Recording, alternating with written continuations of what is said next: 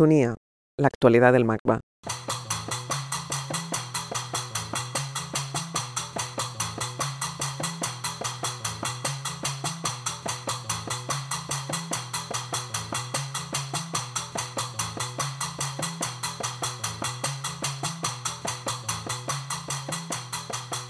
El artista y realizador Tony Serra, Abu Ali, corresponsable del Festival OVNI, recuerda perfectamente cómo sus cimientos de corte anarquista se resquebrajaron con el descubrimiento de ciertas formas de organización vital que tenían que ver con lo sagrado y las prácticas religiosas. Aunque esa colisión y el posterior acercamiento a determinadas tradiciones ancestrales eminentemente orientales tiene más que ver con un largo recorrido, estrechamente vinculado a la exploración del conocimiento.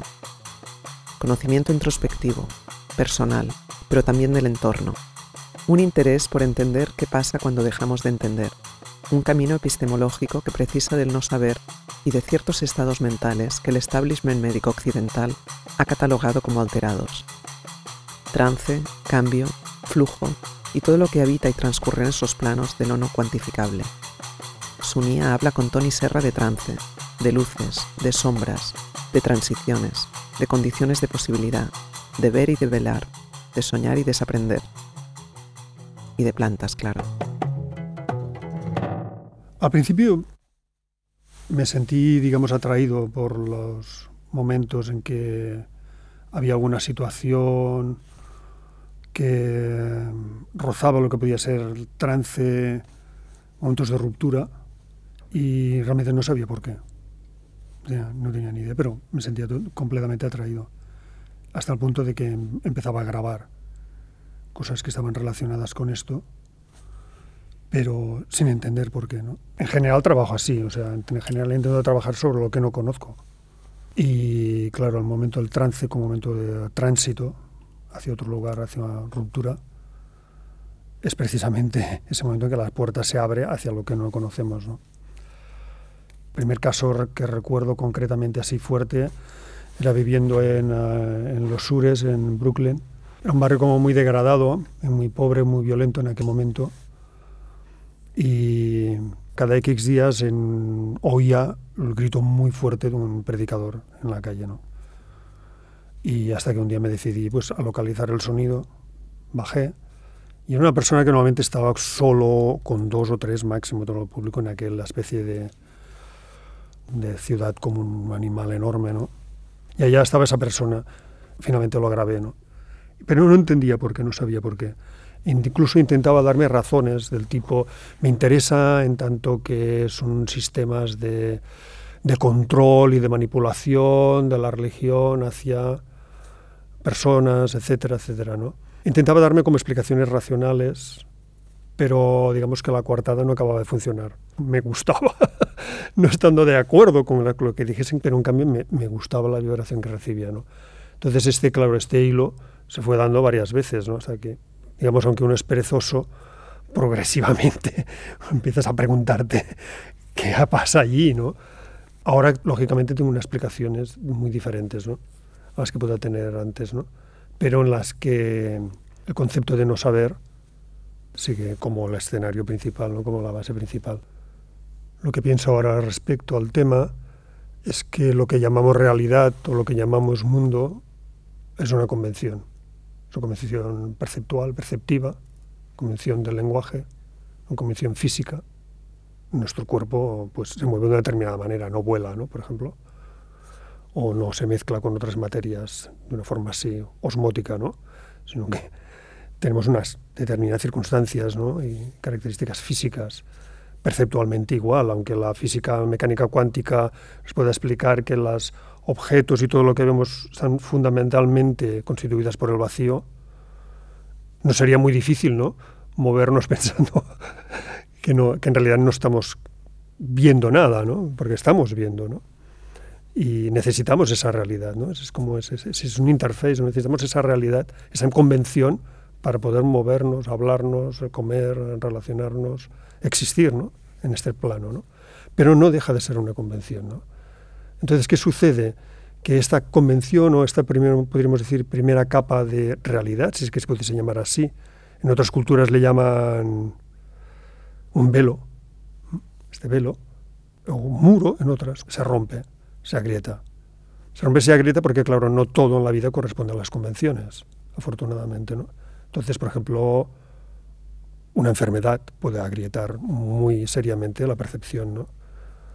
Y incluso el uso de nuestro cuerpo, ¿no? También uh, un enamoramiento, por ejemplo, nos pone fuera de nosotros, cuando toda la construcción de la realidad del mundo está fundamentada en un, yo, ¿no?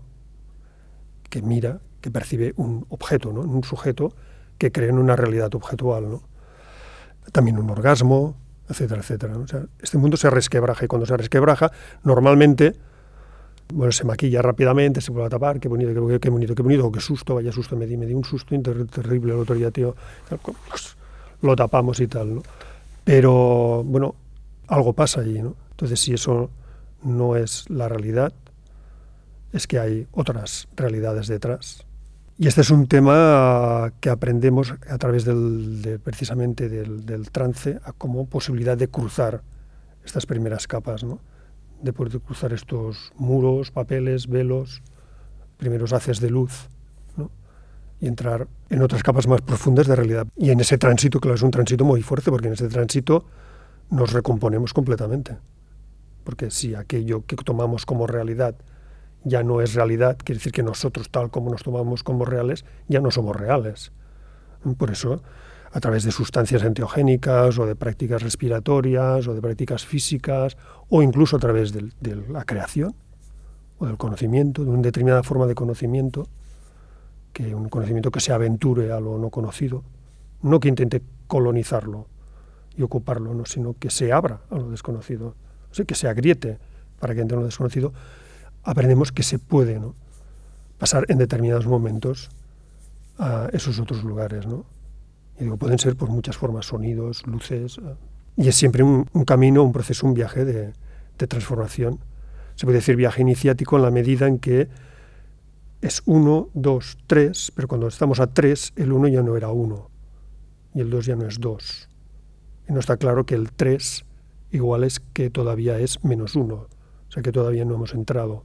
Es decir, cada momento modifica completamente al anterior, porque la escala de valoración pasa a ser muy diferente, y porque en una transformación muy fuerte. Claro, entonces tendríamos el tema, cogemos por ejemplo unas determinadas culturas, este mundo, esta realidad sería entendida como velo o como sucesión de muchísimos velos. ¿no?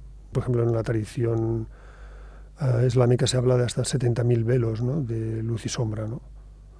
O sea que la cosa va para largo, digamos. ¿no?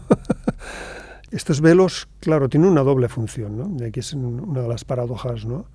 El, el, porque el velo, en la medida en que estábamos hablando, eh, nos está ocultando, ¿no? Estamos diciendo, este mundo nos, nos oculta otras realidades. Pero a la vez es un velo sobre el cual proyectamos también. Es ocultación y condición de posibilidad para la, la visión. Sin el velo no veríamos. Volvamos al ejemplo de un mundo físico constituido más por el vacío que por el lleno. Imaginemos que estuviésemos viendo fundamentalmente vacío. No parece que estemos hechos para esto, ¿no? Al menos perceptivamente, ¿no? Físicamente, ¿no? En todo caso, en este momento de cruce entre los velos, entre las capas, son momentos de una gran acumulación de, energía, ¿no? De sonido, de luz, de mental, emotiva, pero siempre se caracterizan por esto normalmente, ¿no? los que he conocido. Entonces, aquí suceden cosas, ¿no? Quiere decir, se puede entrar en contacto con nuestra fuerza desde diferentes posiciones, desde la posición que estaba comentando ahora, esta idea de viaje, o se puede entrar desde una óptica y decir, caramba, aquí hay una potencia muy fuerte, es un poder. ¿Mm? Potencia es poder, es un poder y lo puedo utilizar, ¿no? Y lo puedo utilizar de maneras muy diferentes. Entonces es donde asistimos a utilizaciones de esta capacidad o de esta posibilidad que se le da al ser humano, pues se pueden utilizar de manipulación, etcétera, etcétera, ¿no? O en una sociedad como la actual, por ejemplo, se puede utilizar como de consumo, ¿no? De jugar con esa fuerza desde el lado del consumo, como una mercancía más, ¿no? O lo que decíamos antes, entender que esto es solo utilizaré ahora una, una, palabra de otra tradición, ¿no? que serían más, más orientales, tibetanas, etcétera, sería un guardián. Te podemos entender que todo esto es, un guardián de la puerta. Si nos quedamos con él, perdemos la posibilidad de continuar el viaje. ¿no? Si lo que nos interesa es el viaje, tendremos que dejar las maletas del poder y de la posibles manipulación y beneficios que podemos sacar. Tendremos que dejar la maleta, digamos, del el consumo placentero o relacionado con otros, porque también te relaciona con otros. Dejar esas maletas no quiere decir que aquello deje de estar. Estará, pero en ningún momento es un paquete con el que vamos a llevar como posesión. ¿no?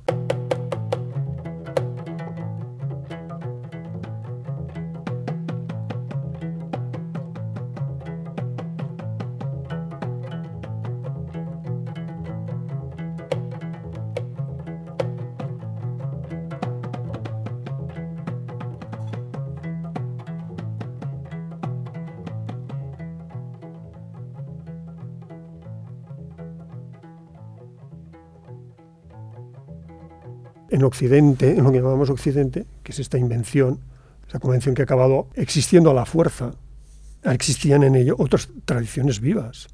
O sea, cuando estamos diciendo Occidente, estamos diciendo lo que ha acabado siendo dominante en la cultura, centremos en Europa, en la cultura europea, olvidando todas aquellas gente que fueron pensamientos, formas de existir, comunidades, relaciones con la naturaleza, relaciones con la sexualidad, relaciones tal, que estaban presentes y que fueron aniquiladas en las diferentes capas y sucesiones.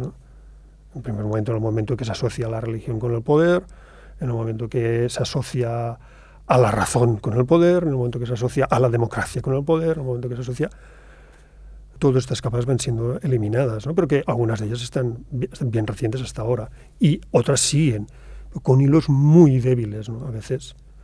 Y después, fuera de estos pequeños sitios donde podían existir o, ejemplos recientes, situaciones recientes, ejemplos recientes que ya han desaparecido, fuera de esto, lo que nos encontramos son hilos que cuando tiramos, ya, de repente dices, esto se ha cortado. Este, este hilo tenía que ir a algún sitio, ¿no? Está, está cortado y está mal empalmado en otro sitio. En otras tradiciones lo que sucede también es que podríamos decir que la noción de este no saber, y su vínculo con lo que en nuestra cultura se llama sagrado no fue roto. Entonces, de una forma u otra, había o hay la conciencia de que esa puerta nos va a llevar a través de los diferentes velos y capas de profundidad, digamos, de, de realidades, hasta un momento en que accedemos a una realidad que no tiene nombre, no tiene forma, que por tanto no es apropiable, no es representable, no es definible, que por tanto ni sabemos siquiera si propiamente existe, ¿no? pero a un nivel intuitivo nos sentimos absolutamente absorbidos por ella. ¿no? Esto en diferentes tradiciones tiene diferentes nombres, es lo de menos. Digamos, en estas otras tradiciones esos hilos no han estado rotos, ¿no? e incluso a nivel lingüístico, ¿no?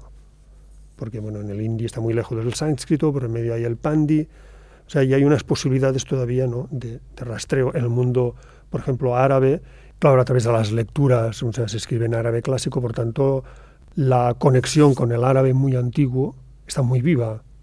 Y entonces esto permite que, que se vean las raíces de las palabras, ¿no? en toda su complejidad.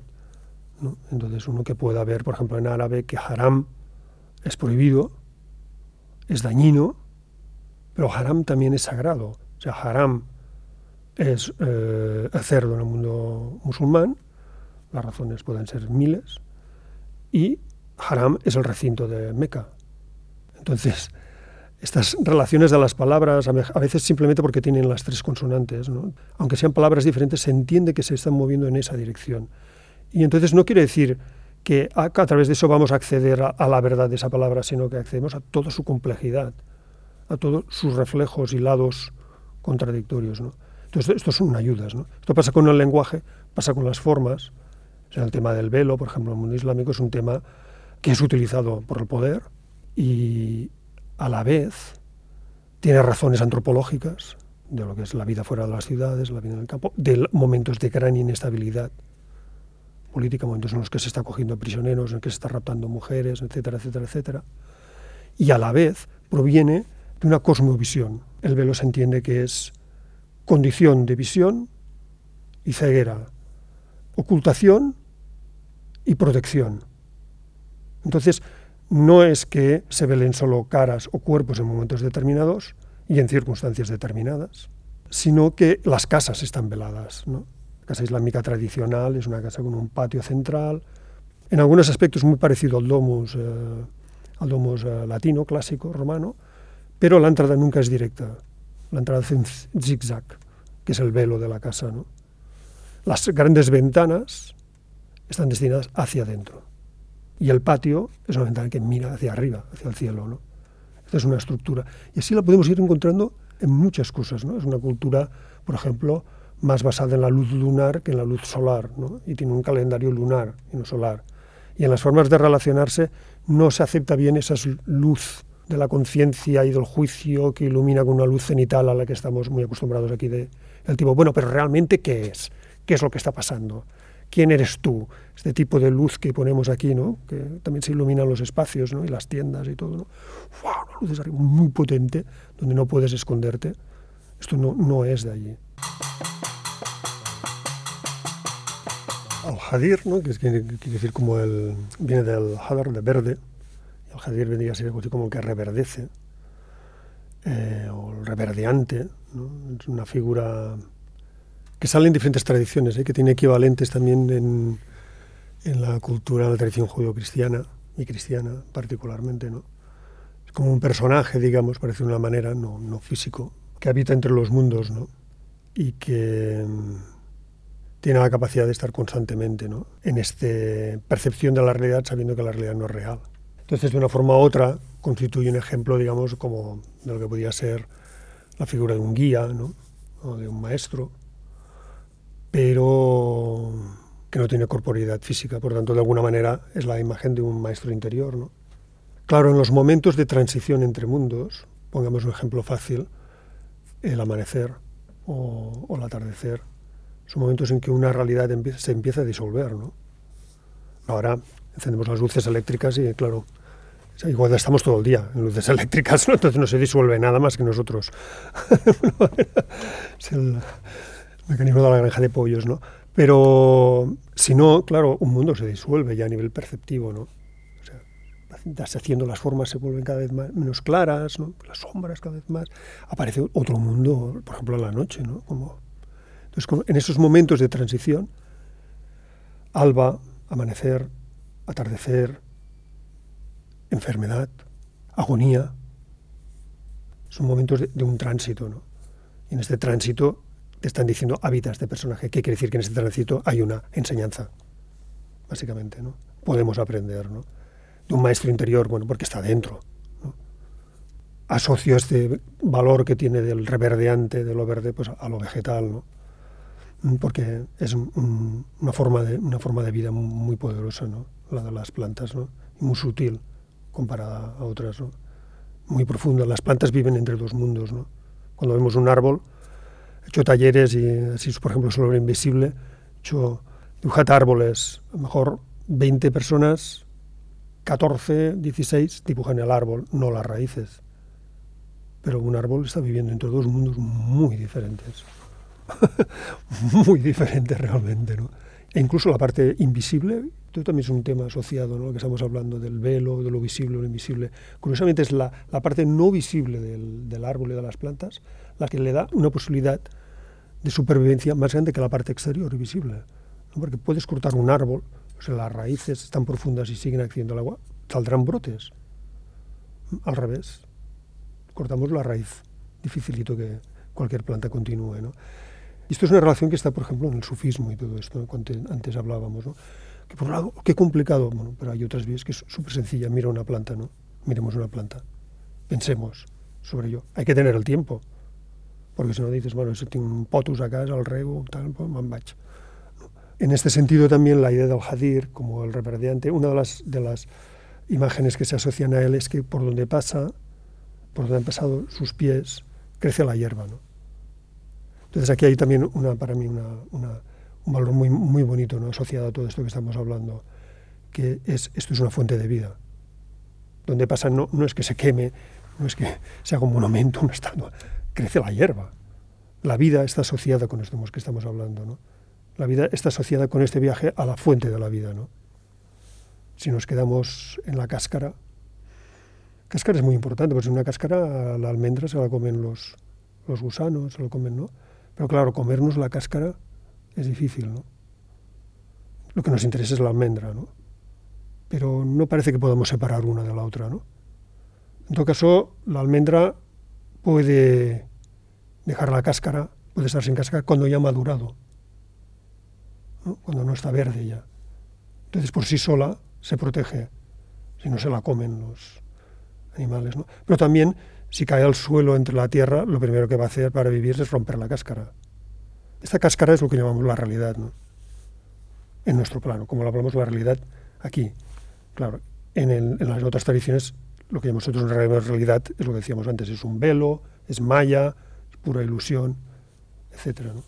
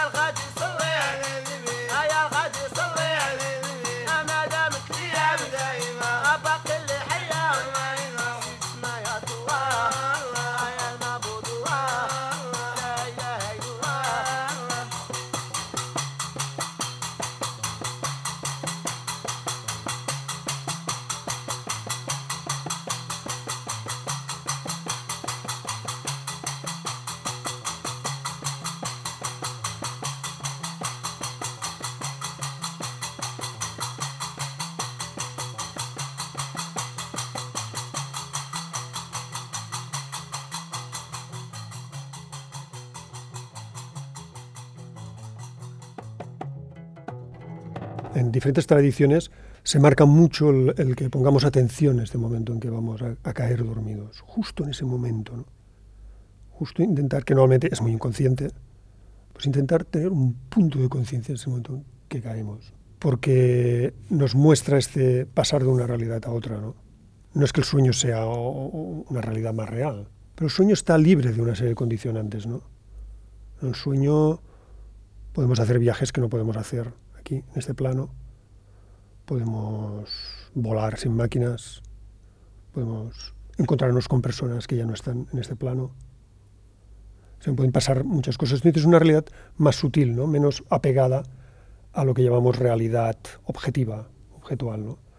Entonces es una cosa muy interesante de los sueños, que tiene unas posibilidades de, de enseñar, de enseñarnos grandes si los miramos desde una determinada conciencia. ¿no?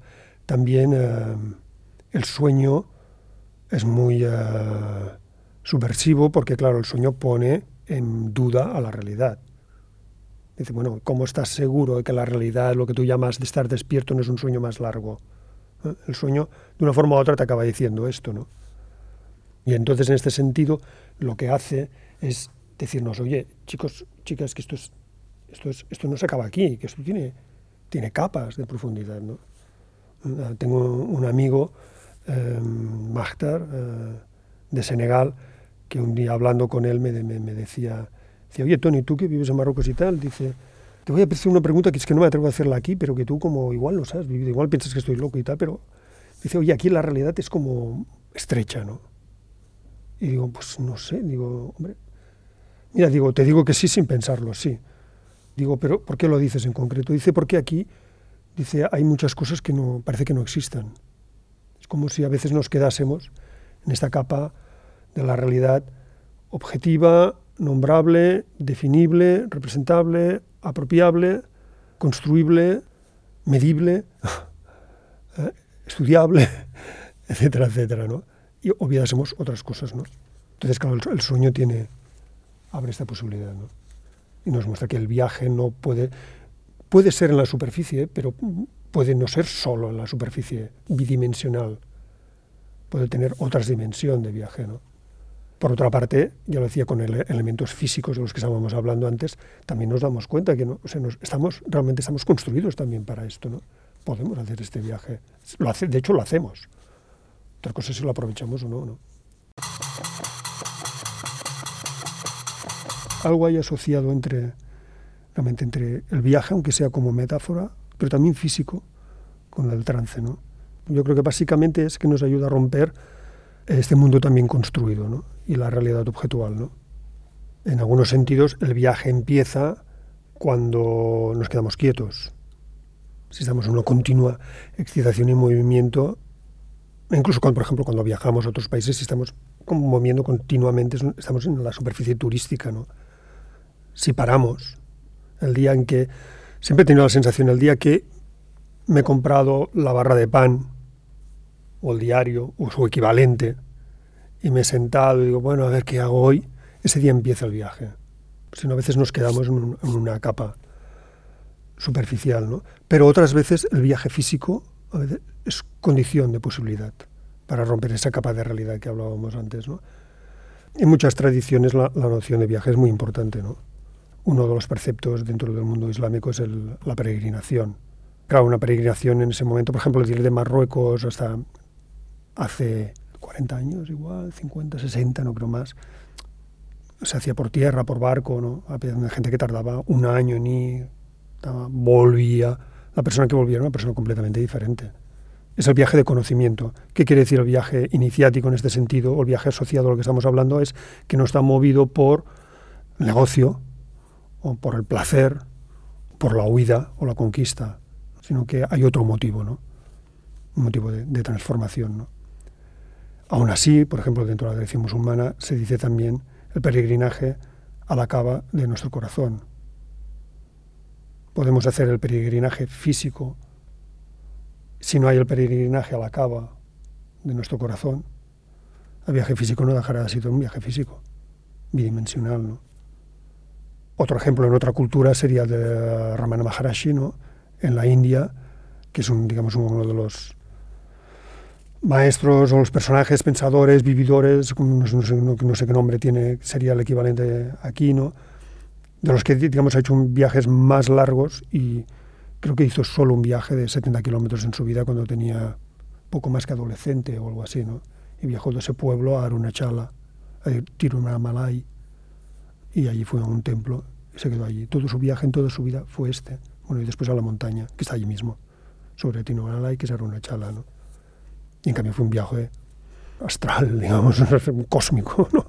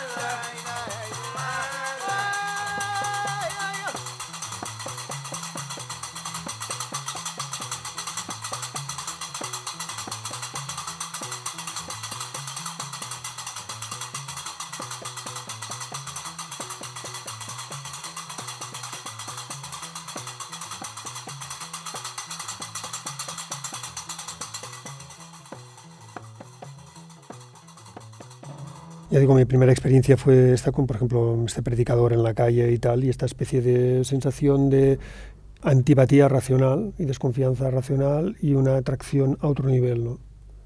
que me dejó con, con, muchas, con muchas preguntas. ¿no? Un año después o meses después estaba en el Museo del Barrio en, uh, en Harlem ¿no? y había ido a ver una exposición, pero había algo de gospel. Me apunté, salí muy emocionado, realmente porque la primera vez que oía un gospel como real. Y una persona que no conocía al lado me dijo, chico, olvídate, mira, hoy es eh, jueves, el domingo, vete a la 127 con tal y cual, o busca por allí. Digo, entra en cualquier iglesia, baptista mejor. Y bueno, fui entrando por diferentes iglesias, templos y tal. En algunos salí como, porque era un rollo como, bueno, militar, ¿no? Militarizado, que me tiró atrás completamente. Digo, me, me, es que me quedaba 5 o 10 minutos. Pero de repente descubrí dos o tres, una de ellas muy grande, que, me, que me, bueno, me, dio un viaje, un viaje que es em, emotivo y vibracional, porque claro, estás dentro de un sitio rodeado de mucha gente, el sonido ¿no? de las voces, los cuerpos, los sudores, las caricias, las caídas en el suelo, la voz ¿no? del, del, coro, el predicador, ¿no? totalmente lanzado, con un mensaje que era básicamente, oh yeah, yeah, yeah, say yeah, yeah, yeah, ¿entiendes? Entonces, cada poco podía decir, bueno, es que, es que me están clavando aquí un rollo de que me tengo que volver no sé qué y que tengo que vivir de esta manera, no me está diciendo nada. Y en cambio, acabé llorando, ¿no? ¿Y por qué? De repente me descubrí a mí mismo completamente en construcción anarco y tal, yendo a misa cada domingo, ¿no? Bueno, esto también te baja un poco, te pone un plano más humilde, ¿no? te pone un plano más humilde porque porque claro, pues dices, caramba, qué diferencia entre mi conciencia, lo que pensaba y lo que, lo que por lo que me estoy guiando, ¿no? Bueno, me guiaba por, pues, por el corazón, por las sensaciones, porque no veía una maldad, porque veía una bondad, porque veía que cuando alguien caía o le daba un patatús, la gente iba allá, lo abrazaba, lo acariciaba, se cuidaban los unos a los otros, se cuidaban mucho, ¿no? Después fui conociendo otras formas, ¿no? Eran formas pues a través del, del, del canto, de la música, de los cuerpos, de los olores, etcétera, pues conocí pues a través de, bueno, de sustancias bueno, que se, llaman enteogénicas, ¿no? es un nombre casi que también queda como un poco cursi y tal, pero porque bueno, enteogénicas es como la, la, capacidad de encarnar ¿no? alguna forma teo ¿no? de divinidad, ¿no? o sea, darnos cuenta que la divinidad está en nosotros, ¿no? que lo inapropiable, representable, lo real que se nos escapa está en nosotros también era otro mundo. ¿no? Porque claro, también vi que iba, estaba asociado, la experiencia a través de estas sustancias estaba asociada a rituales. Cada uno tenía un regusto diferente. Uno tenía un regusto como un cristiano, otro tenía un, regusto como magia negra, otro tenía un gusto tal. ¿no? Lo interesante en común es había las plantas. ¿no? Me gustaba el hecho de la planta. ¿no? Y también fui dejando también esto para, para fijarme más en lo que me producía. ¿no? el día después. el día después es muy interesante, era más interesante, ¿no? Entonces, porque de nuevo era este rasaj, ¿no? este entre mundos, ¿no? esta puerta de entre realidades. ¿no? Entonces, lo que me interesaba decir, caramba, lo, lo, que he aprendido aquí, o lo que he desaprendido aquí, o lo que he reconocido, lo, cómo puedo llevármelo en la vida diaria. ¿no? Entonces, claro, poco a poco vas viendo que en diferentes tradiciones pues, existían formas, digamos, de poner nuestro campamento, no instalarnos, no habitar propiamente, no sé, pero sí una especie de campamento nómada muy, efímero, muy ligero, muy frágil, instalarse en este sentido, una cosa muy nomádica y tal, pero instalarse allí. Es decir, no tenerlo como una cosa muy puntual, ¿no? sino que lo, podamos incorporar, que pueda estar en nosotros, ¿no? que me acuerde de ello cuando miro pues, a otros ojos, otra cara, me acuerde y no vuelva a aparecer pues esa realidad que me cierra, pues este es un tío y piensa así y hace esto y esto viene de tal, que se construye un muro inatravesable, ¿no? que me pueda tener presente, que allí en el otro hay, de mí, ¿entiendes? O sea, que eso que el otro es condición de posibilidad de mi vida, en un sentido profundo, ¿no? real. O sea, estaría muerto si no estuviese a quien estoy mirando, con quien estoy viviendo. Entonces, esto vi que estaba vivo aún en tradiciones, ¿no? En tradiciones que más de Oriente, que me habían llegado primero con, como llegadas de perfume de pachuli y inciensos y tal, que me había provocado un rechazo completo, sino que de repente te llegaban como vivo, ¿no? Y la sorpresa también cuando, por una bofetada de la vida, pues voy a parar a Marruecos, ¿no? Y, de repente empiezo a, darme cuenta de que Marruecos es el oriente más cercano. Es el África más cercano, pero es el oriente más cercano, ¿no? Y entonces darme cuenta de repente que, que, espera, espera. O sea, que me está hablando así, no es Ibn Arabi, que ya estaba leyendo en aquel momento, ni es un maestro sufi o un vedanta, o no es que me está hablando así una señora del barrio, que me, está vendiendo las naranjas. Claro, no me está clavando una gran teoría, pero en la frase, en su posición, en la forma que me trata, en la forma en que nos encontramos, está, está allá. Podríamos decir que hay un guiño en la mirada, un reconocimiento en la mirada, ¿no? de que de que las cosas no se acaban en este acto de que te vendo unas naranjas y tú me, das algo y tal, y tú eres Rumi, yo soy un Slema y tú eres tal y cual, ¿no? Sino que hay algo que trasciende esto, ¿no? Que nos muestra esta permeabilidad de las realidades que llega hasta el punto de disolverse, ¿no?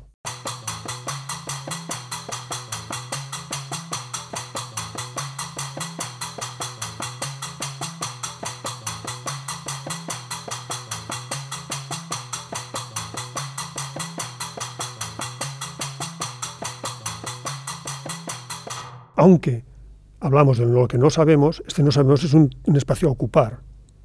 Es como si no tuviese una entidad real propia, porque es colonizado. Vamos ocupando y vamos, en función de lo que vamos sabiendo, vamos actuando a saco, ¿no? Y así está sucediendo en muchos campos, ¿no? Sobre todo tecnológicos, ¿no? Pero no solo, ¿no?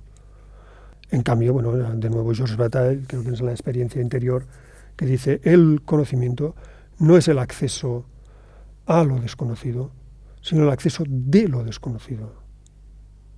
Fijaros una proposición, cómo cambia todo, ¿no? Lo que estábamos hablando antes. Esta proposición es el trance. es un ejemplo de trance en la palabra, en el concepto. Por eso hay el jnana yoga, ¿no? La práctica a través del conocimiento, ¿no? Igual que hay físicas, hay a través del conocimiento. Esta preposición es un ejemplo. No es el acceso a lo desconocido, sino es que yo salgo con mis y empiezo a ocupar y saber más, sino de lo desconocido. Se abre una puerta y lo que entra ya o sea, no sabemos lo que es y ante lo desconocido, que es infinito, solo queda una actitud, ¿no? que es la actitud de la, de la postración, del reconocimiento, ¿no? reconocernos en lo desconocido, no en lo conocido. Porque en nosotros hay un universo, en cada uno de nosotros a nivel químico, también molecular, vibracional. Si nosotros estamos de alguna manera extraña, no reconocemos más donde nos acabamos, donde se acaba lo que me nombra, lo que me refleja, donde estoy, ¿no? ¿Cómo puedo hablar de otros? ¿Cómo puedo luchar por posesiones de objetos, de cosas que no están tan claras, que no sean extensiones de un yo que sobrepasa ¿no? la noción de ego que, que tenemos. ¿no? En un libro muy antiguo del siglo VI, Yoga Vashista, hay un fragmento en que un sabio liberado, así lo nombran en el libro, habla de la realidad objetual y dice, la realidad objetual es enfermedad mental. Me quedé como, hostia, puede ver la realidad objetual, o sea, realidad objetiva, que es la base de aquí, de toda una parte, como una enfermedad mental. Y pensé que sí, que no, porque esto, porque el velo es condición de belleza, es condición de vida, etcétera y tal, y me sitúo mucho en esta tradición, pero también lo entiendo en el sentido que dar realidad a lo que no lo tiene, o sea, dar realidad a estos objetos, a estas posesiones, estos objetos que son definibles, posibles y tal, causa mucho dolor, porque vamos a luchar por ellos. Voy a luchar por esta línea geográfica, voy a luchar por esta línea entre la verdad y la mentira. O quiero este objeto, ¿no? Este coche me encanta, ¿no? Y pues mira, tu marido me gusta también. Y empieza una lucha como locos, como locos por algo que en realidad no tiene sustancia, que es un flow, que es líquida que es elástico. Porque estamos matándonos. ¿Por qué? O sea, a ver, eso es que realmente en esa acumulación de posesiones o de fama o de dinero o de placer es una condición de vida, es una condición de felicidad. Felicidad no ves, ves excitación, ¿entiendes? Es subidón, pero felicidad no. Cojo esto, muy bien, ya lo tengo, vaya subidón, qué alegría, sí que soy feliz. No, pero esto se disuelve, tío. Esto se va. Este dinero se va. No, no, este dinero no se va. Bueno, pues no se va el dinero, te vas tú. ¿Qué vas a hacer con eso? Esa, esa, esa mujer que corresponde a un anuncio, ese tío que tal y cual, pues se va, va a cambiar, está viva, tío. Se, va a mover, se va a deshacer. Desde tu perspectiva se va a convertir en un... ¡Qué horror! ¿Qué hago con, con este? ¿No? Desde otra perspectiva vas a amar el movimiento de un ser amado. Pero desde esta perspectiva de la realidad objetual, poseíble, definible y tal, claro, tiene consecuencias muy potentes a nivel personal, a nivel de pequeñas comunidades y a nivel de comunidades grandes. ¿no? Por eso, este estado de atención al trance, al tránsito entre las realidades y su disolución, es, podemos decir que es una condición de vida, ¿no? es una condición de reverencia personal, colectiva y de la humanidad, supongo. Ojalá.